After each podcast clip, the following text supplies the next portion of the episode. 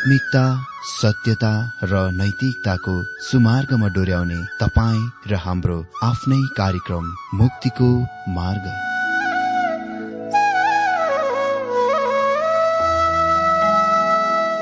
आदरणीय श्रोता यस मुक्तिको मार्ग कार्यक्रममा हार्दिक स्वागत छ। आशा छ यस आत्मिक कार्यक्रमद्वारा जीवनमा आत्मिक आशिष अलौकिक शान्ति र आनन्द प्राप्त गर्नुहुनेछ। र जीवनमा धन्य अनुभव गर्नुहुनेछ। आउनुहोस् श्रोता मन र आत्माको तयारीको लागि यो मिठो अनि मधुर भजन गीत सुनौ।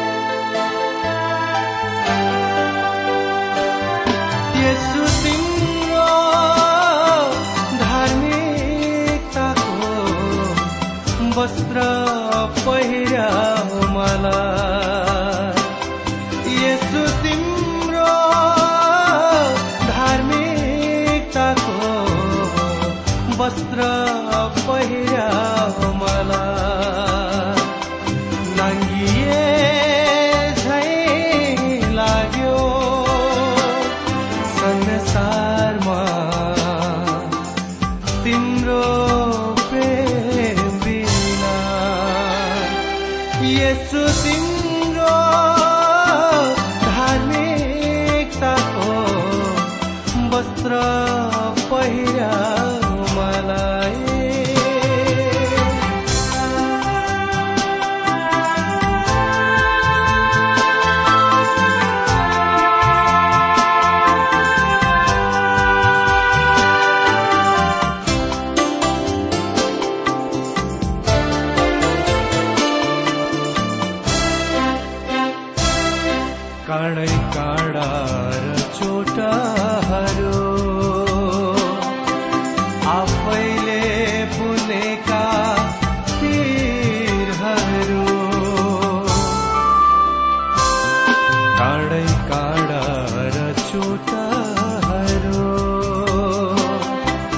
आफैले बुनेका पीरहरू यस्तै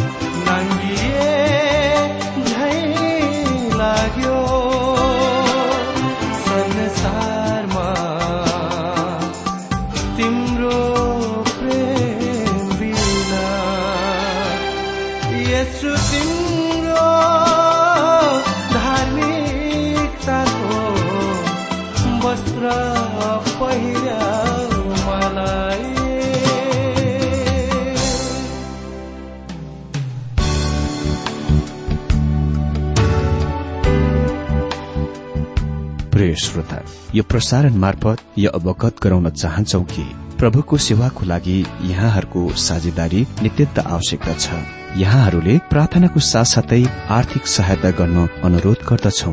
तपाईँहरूको सानो भन्दा सानो भेटी किन नहोस्? हामी प्रभुको नाममा स्वीकार गर्नेछौ प्रभुको सेवाको लागि। तपाईँहरूको यो सानो लगानीले कसैको जीवनमा भिन्नता ल्याउँछ अनि प्रभुको महिमा हुन्छ। प्रभु तपाईँहरूलाई महान गरी आशिष दिनुहुनेछ। इच्छुक श्रोताहरूले तपाईँको इच्छा भेटी हाम्रो ठेगानामा पठाउन सक्नुहुन्छ जुन ठेगाना हामी कार्यक्रमको अन्तमा दिनेछौ। प्रिय श्रोता मित्र आज पनि तपाईँ सबैलाई मेरो हार्दिक स्वागत छ साथै ख्रिस्टियन अभिवादन जय मसी अनि नमस्ते। श्रोता आज हामी अर्को विषयबाट अर्थात परमेश्वर प्रेम हुनुहुन्छ। साना नानीहरू वा परमेश्वरका सन्तानहरूले एक आपसमा प्रेम गर्नेछन् भन्ने विषयबाट बाइबल अध्ययन गर्न गइरहेका छौं। यस विषयबाट हामी लगातार तीन दिन अध्ययन गर्न गइरहेका छौं। र आज हामी पहिलो युहना चार अध्यायको सातदेखि नौ पदबाट बाइबल अध्ययन गर्नेछौ। पहिलो युहना चार अध्यायको सात पदमा यस प्रकार लेखिएको छ प्रिय हो हामी एउटाले अर्कालाई प्रेम गरौं किनभने प्रेम परमेश्वरबाट आउँछ। जसले प्रेम गर्छ त्यो परमेश्वरबाट जन्मेको हो र परमेश्वरलाई चिन्छ। प्रियहरू हो हामी एक आपसलाई प्रेम गरौं। किन? लेखिएको छ किनकि प्रेम परमेश्वरबाटको हो। मित्र यहाँ यस कुरा हामी अति नै धेरै होसियार हौ कि युहान्ना के को बारेमा कुरा गरिरहेका छन् त। उसले पछाडिका पदहरूमा भर्खरै ती झुट्टा शिक्षकहरूको विरूद्धमा चेतावनी दिएका छन् जसलाई प्रेम गर्नु हुँदैन। यस कुरामा हामी स्पष्ट हौ। म तिनीहरूको लागि प्रार्थना गर्दिन र म तिनीहरूको निम्ति प्रार्थना गरिरहेको छैन। तिनीहरू शैतानका सन्तानहरू हुन्। म परमेश्वरका सन्तानहरूको निम्ति प्रार्थना गरिरहेको छु र म पापमा गुम भएका निन्दित पापीहरूको लागि प्रार्थना गरिरहेको छु जो ख्रिस्ट कहाँ फर्कनेछन्? यदि मैले उनी कहाँ परमेश्वरको वचन दिन सके? यी झुट्टा शिक्षकहरूको विरूद्धमा चेतावनी दिएपछि युहाना अहिले यो खण्डको मुख्य विषयतिर आउँछन्। विश्वासीहरू एक आपसमा प्रेम गर्नुपर्छ। फेरि म तपाईँलाई भन्न चाहन्छु कि यहाँ उल्लेखित प्रेम शब्दको लागि ग्रीक शब्द एरोस प्रेम होइन। योहन्ना यौन काम वासनाको बारेमा कुरा गरिरहेका छैन। यो पूरा खण्डभरि प्रेमको लागि शब्द हो अगाप्य अगाप्य प्रेम। यो भावुक प्रेम होइन। यो यौन काम वासनाको प्रेम होइन। यो सामाजिक प्रेम होइन। यो अलौकिक प्रेम हो। यो नै प्रेम पवित्र आत्माले हाम्रा हृदयहरूमा हालिदिनुहुन्छ र खालि परमेश्वरको आत्माले मात्र यसको हामीलाई वास्तविक बनाइदिन सक्नुहुन्छ। यो परमेश्वरको प्रेम हो। अनि खालि परमेश्वरको आत्माले मात्र हामीलाई अन्य अरूहरूप्रति यो प्रेम गर्ने यो प्रेमलाई फैलाउन योग्य बनाउँछ। यो त्यस प्रकारको प्रेम होइन जुन तपाईँसँग ती मित्रहरूको लागि साथीहरूको लागि छ जससँग हुने कुरामा वा रहन्दामा आनन्द गर्नुहुन्छ। म यस कुरामा डराउँछु कि धेरैले यस पदलाई दुरूपयोग गरेका छन्। जब म कलेजमा विद्यार्थी थिएँ मैले यो पदलाई एक केटीलाई कलेजमा प्रेम प्रदर्शित गर्न प्रयोग गरेथे। प्रियहरू हो हामी एक अर्कालाई प्रेम गरौं किनभने प्रेम परमेश्वरबाटको हो। तर जुन प्रकारको प्रेमको बारेमा म कुरा गरिरहेको थिएँ त्यस प्रकारको प्रेमको बारेमा युहाना यहाँ बोलिरहेका थिएनन् कुरा गरिरहेका थिएनन्। म यस कुराको तपाईँलाई निश्चय दिलाउन सक्छु। मैले निश्चय नै त्यस बेला यसको गलत अर्थ दिएँ र मैले यस कुराको स्वीकार गर्नै पर्छ कि त्यस विषय विशेष खास समयमा मसँग त्यति धेरै महान उद्देश्य थिएन। प्रियहरू हो हामीहरू एक अर्कालाई प्रेम गरौं। यो अर्का विश्वासीहरूलाई प्रेम गर्नु हो अनि प्रेम गर्ने हरेक जन परमेश्वरबाट जन्मेको हो र परमेश्वरलाई चिन्दछन्। यो मानव दृष्टिकोणबाट अलग्याउने छुट्याउने तरिका हो। जब तपाईँ कुनै व्यक्तिलाई भेट्नुहुन्छ यसले भन्छ कि उनी विश्वासी हो र तपाईँ पत्ता लगाउनुहुन्छ उसले तपाईँलाई प्रेम गर्दछ र अरू विश्वासीहरूलाई पनि प्रेम गर्दछ तपाईँ यो कुरामा थाहा पाउन सक्नुहुन्छ कि उनी नयाँ जन्म पाएका परमेश्वरका सन्तान हुन्। म सोच्दछु मानिसहरूले मलाई पत्रहरूमा त्यस्ता कुराहरू लेख्छन् जुनको सम्भव तिनीहरूले मलाई व्यक्तिगत रूपमा भन्दैनन् वा भन्ने छैनन्। धेरै मानिसहरूले लेख्छन् प्रचारक म तपाईँलाई प्रेम गर्छु। त्यसपछि तिनीहरू आफ्ना भनाइलाई जारी राख्छन् कि किन तिनीहरू मलाई प्रेम गर्छन् त? उदाहरणको लागि एक परिवारले लेखेथे तपाईँले हाम्रा दुई बच्चाहरूलाई प्रभुमा ल्याउनुभयो डोर्याउनुभयो।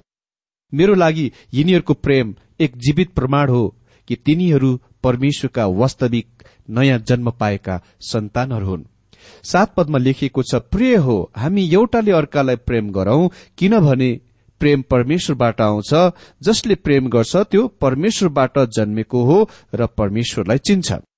अनि आठ पदमा लेखिएको छ प्रेम नगर्नेले परमेश्वरलाई चिन्दैन किनभने परमेश्वर प्रेम हुनुहुन्छ। जसले प्रेम गर्दैन त्यसले परमेश्वरलाई चिन्दैन। मित्र यो अर्को जाँच हो या यो कुरा देख्नलाई कि तपाईँ परमेश्वरको सन्तान हुनुहुन्छ या हुनुहुन्न? म तपाईँलाई सोधिरहेको छैन। तपाईँ आफ्नो आमा र बुबालाई प्रेम गर्नुहुन्छ या गर्नुहुन्न? म तपाईँलाई सोधिरहेको छैन कि तपाईँ आफ्नो पति वा आफ्नो पत्नीलाई प्रेम गर्नुहुन्छ या गर्नुहुन्न? या आफ्नो छोरा वा छोरीलाई प्रेम गर्नुहुन्छ या गर्नुहुन्न? म यो प्रश्न सोधिरहेको छैन। तर म यस प्रश्न सोधिरहेको छु कि तपाईँ अन्य विश्वासीहरूलाई प्रेम गर्नुहुन्छ? हुन सक्छ कसैले यो भन्ला अँ म तिनीहरू मध्ये कोही कोहीलाई चाहिँ प्रेम गर्न सक्दछु। त्यो मदतकार कुरा हो। तपाईँ सही दिशातिर गइरहनु भएको छ। त्यहाँ कोही कोही छन् जो अति नै धेरै अप्रियहरू छन् तर म सोच्दछु हामी तिनीहरूलाई यस अर्थमा प्रेम गर्न सक्छौ कि हामीसँग तिनीहरूको लागि वास्ता ख्याल फिक्री छ र हामी वास्ता गर्न सक्छौ। म सोच्दिन कि यो अत्यावश्यक कुरा हो तिनीहरूलाई अंगालो मार्ने। तपाईँले आफ्नो प्रेम देखाउने तरिका अरूहरूप्रति तपाईँको वास्ता र ख्यालद्वारा हो जुन तिनीहरूलाई सहायता गर्ने काममा परिणाम निक्लिआउनेछ योहनाले अहिले हामीलाई परमेश्वरको परिभाषा दिन्छन्। परमेश्वर प्रेम हुनुहुन्छ। हामीसँग यो अद्भुत सानो पुस्तकमा परमेश्वरको तीन महान परिभाषा छ। पहिलो पहिलो योहना एक अध्ययको पाँच पदमा परमेश्वर ज्योति हुनुहुन्छ। अनि त्यो नै पहिलो युहना एक अध्याय एक पददेखि दुई अध्यायको दुई पदसम्मको मुख्य विषय थियो। अनि दोस्रो पहिलो युहन्ना चार अध्याय आठदेखि सोह्र पदमा परमेश्वर प्रेम हुनुहुन्छ। त्यो नै पहिलो युहना दुई अध्यायको तीनदेखि चार अध्यायको एक्काइस पदसम्मको मुख्य विषय हो। अनि तेस्रो परमेश्वर जीवन हुनुहुन्छ। पहिलो युहना पाँच अध्यायको मुख्य विषय हो यो। यी तीन महान परमेश्वरको परिभाषा हुन् जुन योहन्नाले हामीलाई दिन्छन् र तिनीहरूले यो अद्भुत पत्रको मुख्य विभाजन खण्डको बनाउँदछ गठन गर्दछ। योहन्नाले यहाँ र फेरि पद सोह्रमा भन्छन् परमेश्वर प्रेम हुनुहुन्छ। यसको मतलब यसको सम्बन्धमा डाक्टर हेरी आइरनसाइडसँग अति नै धेरै उल्लेखनीय कथा छ जुनको म तपाईँलाई पनि दिन गइरहेको छु किनकि म सोच्दछु यसले सत्यताको अद्भुत तरिकामा उदाहरण सहित नमूना सहित स्पष्ट पार्दछ। खालि क्रिस्टियानिटीले मात्र प्रेमको परमेश्वरको प्रकट गर्दछ। युहनाका पत्रको टिप्पणीमा आइरन साइडले लेख्छन् सालौं पहिले आफू ज्ञानी शिक्षित वर्गमा हुने कुराको लागि घमण्ड गर्ने स्त्रीले मलाई भनिन् मेरो लागि बाइबल क्रिस्चियन अन्धविश्वासको लागि र धार्मिक धर्ममतको लागि कुनै प्रयोग वा कामको छैन। मेरो निम्ति यति मात्र जान्न काफी छ। परमेश्वर प्रेम हुनुहुन्छ। अब मैले उसलाई भने के तिमीलाई यो थाहा छ? तिनले भनिन् निश्चय नै। हामी सबैले त्यो जान्दछौ। र त्यो धर्मको मेरो निम्ति पर्याप्त छ। र त्यो नै धर्म मेरो लागि काफी छ। मलाई बाइबलको धर्म मतहरूको आवश्यक छैन। मैले सोधे कसरी तिमीले थाहा पायौ कि परमेश्वर प्रेम हुनुहुन्छ त? तिनले भनिन् सबैले प्रत्येकले त्यो कुरा जान्दछ नि। त्यो कुन ठूलो कुरो हो र? कि विश्वको अति नै दुर्गम कुना काप्चाको क्षेत्रहरूमा हुनेहरूले यसको जान्दछन् त? सम्भव तिनीहरूले त यसको जान्दैनन् होला। अनि तिनले जवाब दिन् तर सभ्य मुलुकमा हामी सबैले यसको जान्दछौ नि त। मैले भने हामी यसको कति जान्दछौ त? हामीलाई कसले त्यसको बतायो त? हामीले यसको कहाँ पायौं त? तिनले भनिन् तपाईँको तात्पर्य मैले बुझिन। किनकि म सधैँ नै यसको जान्दछु नि। मैले उत्तर दिएँ म तिमीलाई यो भन्दछु संसारमा कसैले कहिले पनि यसको तबसम्म थाहा पाएका वा जानेका थिएनन्। जबसम्म यो स्वर्गीयबाट प्रकट भएको थिएन र परमेश्वरको वचनमा रेकर्ड गरिएको थिएन। यो खालि यहाँ मात्र छ। अरू कहीँ पनि होइन। यो प्राचीनहरूका अन्य धर्महरूका सम्पूर्ण साहित्यमा पाइँदैन। नौ पदमा लेखिएको छ परमेश्वरको प्रेम हाम्रो माझमा यसरी प्रकट भयो कि उहाँले आफ्ना एकमात्र पुत्र संसारमा पठाउनुभयो ताकि पुत्रद्वारा हामी जिउन सकौं बाँच्न सकौं। परमेश्वरले तपाईँलाई कसरी प्रेम गर्नुहुन्छ त? तपाईँ त्यस प्रेमको धर्ममा पाउनुहुन्न। तर तपाईँले रक्त प्यासी दाँतहरू र तीखा नङ्राहरू पाउनुहुनेछ धर्ममा। त्यो नै धर्मले प्रकट गर्दछ। तपाईँ परमेश्वरको प्रेम कलवारीमा पाउनुहुनेछ। त्यहाँ नै तपाईँ परमेश्वरको प्रेम प्रकट भएको पाउनुहुन्छ। लेखिएको छ परमेश्वरको प्रेम हाम्रा माझमा यसरी प्रकट भयो कि उहाँले आफ्ना एक मात्र पुत्र संसारमा पठाउनुभयो ताकि पुत्रद्वारा हामी बाँच्न सकौं जिउन सकौं। परमेश्वरले उहाँको आफ्नो प्रेमको प्रमाणित सिद्ध गर्नुभएको छ। उहाँले हाम्रो लागि आफ्नो जीवन अर्पण गर्नुभयो। र यो नै उहाँको प्रेमको प्रमाण हो। पाउले लेखे रोमी पाँचको सात पदमा किनकि धर्मी मानिसको निम्ति मुस्किलले कोही मर्ला। असल मानिसको निम्ति सायद कसैले मर्न पनि आँट गर्ला कि? मलाई थाहा छैन कि तपाईँले यसरी तपाईँको लागि आफ्नो जीवन दिन सक्ने कुनै व्यक्तिलाई पाउन सक्नुहुन्छ या पाउन सक्नुहुन्न?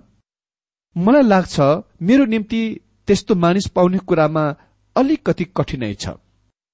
तर परमेश्वरले आफ्नो प्रेम तपाईँको लागि आफ्नो पुत्र मर्नलाई पठाउनु भएर सिद्ध गर्नुभएको छ। उहाँले उसलाई तपाईँको निम्ति तपाईँको लागि मर्न दिनुभयो। तपाईँ असल धर्मी मानिस हुनुभएको कारणले होइन। तर परमेश्वरले तपाईँलाई प्रेम गर्नुभयो जब तपाईँ अझै पापमै हुनुहुन्थ्यो। र पापी नै हुनुहुन्थ्यो। रोमी पाँचको छ पदमा लेखिएको छ किनकि हामी कमजोर हुँदाखेरि नै ठिक समयमा ख्रिष्ट भक्तिहीन मानिसहरूको निम्ति मर्नुभयो। परमेश्वरले हामीलाई प्रेम गर्नुभयो। अनि रोमी पाँचको आठ पदमा लेखिएको छ तर परमेश्वरले हामीलाई आफ्नो प्रेम यसमा प्रकट गर्नुहुन्छ। हामी पापी हुँदा हुँदै ख्रिस्ट हाम्रो निम्ति मर्नुभयो। यो प्रेमको स्पष्टीकरण उहाँमा पाइदछ। हामीमा होइन। किनभने हामी प्रिय छैनौं र हामी कोही कोही त झन् त्यति धेरै प्रिय बनेको कहिले पनि देखिँदैन। लेखेको छ परमेश्वरले आफ्नो एक मात्र पुत्रलाई संसारमा पठाउनुभयो। मित्र यो एउटा अर्को पद हो जुनको ख्रिस्टको ईश्वरत्वको निन्दा गर्न ख्रिस्ट विरोधीहरू इन्कार गर्न प्रयोग गर्न चाहन्छन्। मित्र जब ख्रिस्टलाई एक मात्र जन्माएको पुत्र भनिएको छ एउटै मात्र पुत्र भनिएको छ यसको अर्थ यो हो उहाँको पितासँग अद्वितीय सम्बन्ध छ। उहाँलाई सृष्टि गरिनु भएको थिएन। परमेश्वरले सृष्टि गरिएका स्वर्गीय दूतहरूलाई आफ्ना पुत्रहरू भन्नुभएको भन्नुभयो। र उहाँले भन्नुहुन्छ ख्रिस्टलाई विश्वास गर्नेहरू उहाँका पुत्रहरू हुन्। तर अझै उहाँ भन्नुहुन्छ कि प्रभु येशु ख्रिस्ट एक मात्र जन्माइएको पुत्र हुनुहुन्छ। यो चाखलाग्दो कुरा छ कि इसाको सम्बन्धमा पनि उही कुरा भनिएको छ। हिब्रू एघारको सत्र पदमा लेखिएको छ विश्वासैद्वारा अब्राहमले उनको जाँच हुँदा इसाकलाई चढाए अनि जसले प्रतिज्ञाहरू पाएका थिए उनले आफ्नो एकमात्र जन्माएको छोरालाई चढाए।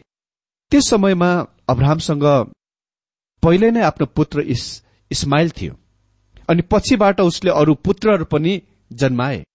इस्माइल अब्राहमको पुत्र थिए। उति नै पुत्र थिए जति उसको पुत्र इसाक थियो।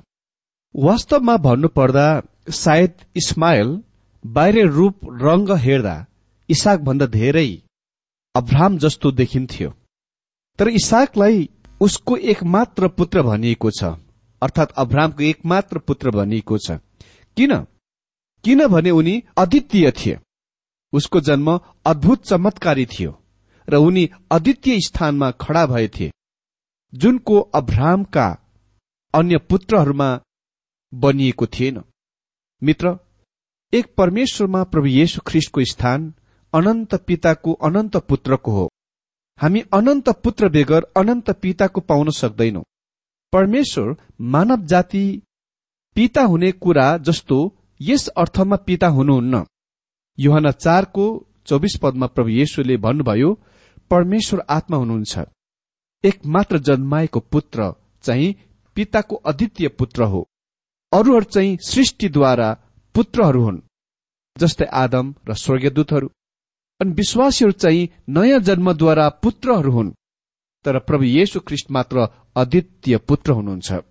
ताकि हामी उहाँद्वारा जिउन सकौं। हामी कसरी उहाँद्वारा जिउन गइरहेका छौं त? हामी उहाँद्वारा जिउन गइरहेका छौं किनभने उहाँ मर्नुभयो हाम्रो लागि। उहाँको मृत्युले हामीलाई जीवन दिन्छ। प्रिय मलाई थाहा छैन तपाईँको बारेमा। तपाईँले यो वास्तविकतालाई सत्यतालाई थाहा पाउनु भएको छ या छैन? यदि आजसम्म थाहा पाउनु भएको छैन भने आज यो परमेश्वरको वचन तपाईँको लागि हो ताकि तपाईँले जान्न सक्नु भएको होस् कि अनन्त जीवन येशु ख्रिस्टमा छ।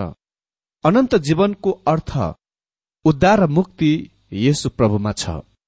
परमेश्वरले आजको यो बाइबल अध्ययनमा हरेकलाई धेरै धेरै आशिष दिनुभएको होस्।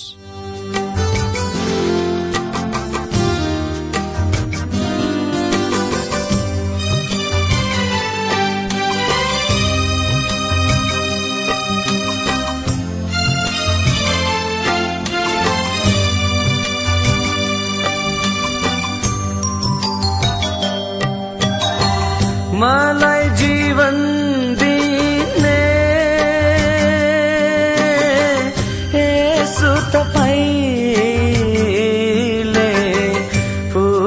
फुलमा सजाइ मलाई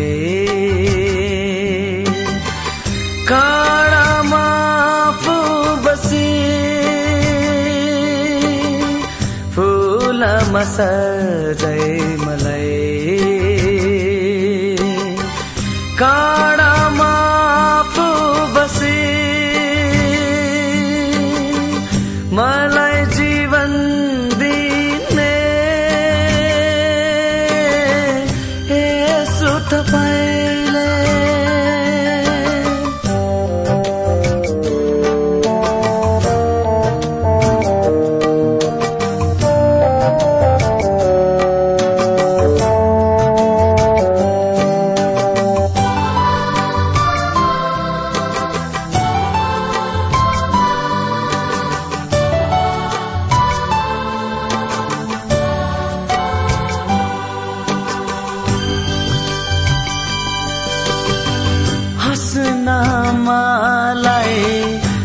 तपाईँले सिकाउनु भयो। जिउन मलाई तपाईँले सिकाउनु भयो।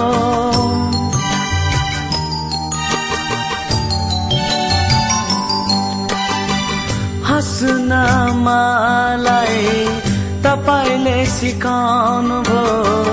जिउन मलाई तपाईँले सिकाउनु भयो।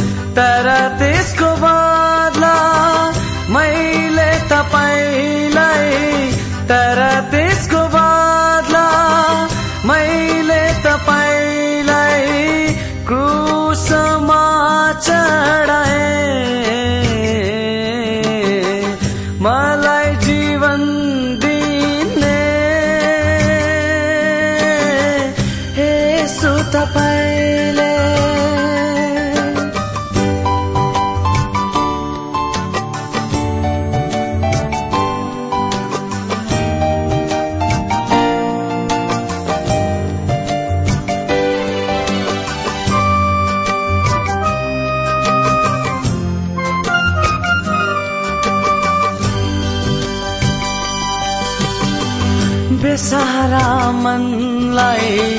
सहारा दिनु भो प्यासी मनको प्यास बुझाउनु भो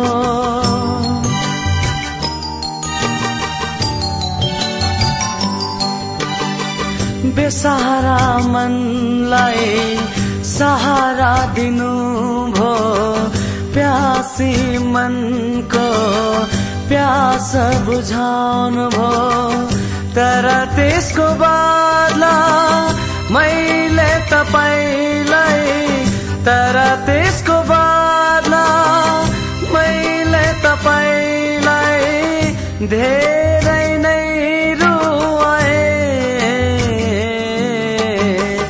मलाई जीवन दिने यसो तपाईँले सजाए मलाई। काँडामा आफू बसी फुलमा सजाए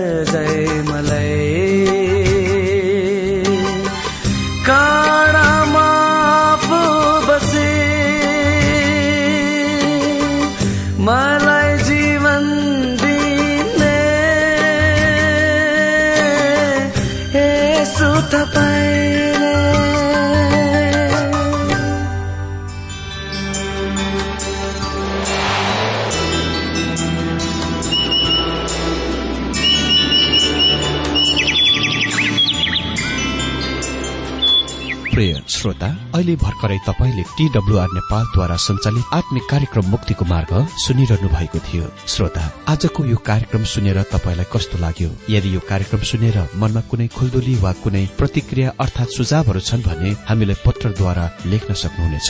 हामी हृदयदेखि नै स्वागत गर्नेछौ स्वीकार गर्नेछौ साथै बाइबल सम्बन्धित प्रचारहरू कार्यक्रम सारणीहरू हामी अनुरोधमा पठाउन सक्छौ। अनि तपाईँसँग कुनै प्रार्थनाको विषय छन् भने हामीले तपाईँको लागि प्रार्थना गरेको चाहनुहुन्छ भने प्रभुमा आफ्नै परिवार सम्झेर हामीलाई पत्रमा लेख्न सक्नुहुनेछ।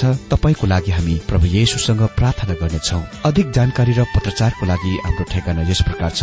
कार्यक्रम मुक्तिको मार्ग जीपीओ नम्बर उनानब्बे पचहत्तर इपिसी पच्चिस एकसठी काठमाडौँ। ठेगाना एकपल्ट सुन्नुहोला। कार्यक्रम मुक्तिको मार्ग जीपीओ नम्बर उनानब्बे पचहत्तर इपिसी पच्चिस एकसठी काठमाडौँ। हाम्रो इमेल एड्रेस हो TWR Nepal at Yahoo dot com साथै यस नम्बरमा एसएमएस गर्न सक्नुहुनेछ। अन्ठानब्बे चार सत्तरी पैतिस छ सय उनासी नौ आठ चार सात जिरो तीन पाँच छ सात नौ। हुन्छ श्रोता आजलाई हामी विदा चाहन्छौ। अर्को कार्यक्रममा हामी पुनः भेट्नेछौ तबसम्मलाई नमस्कार।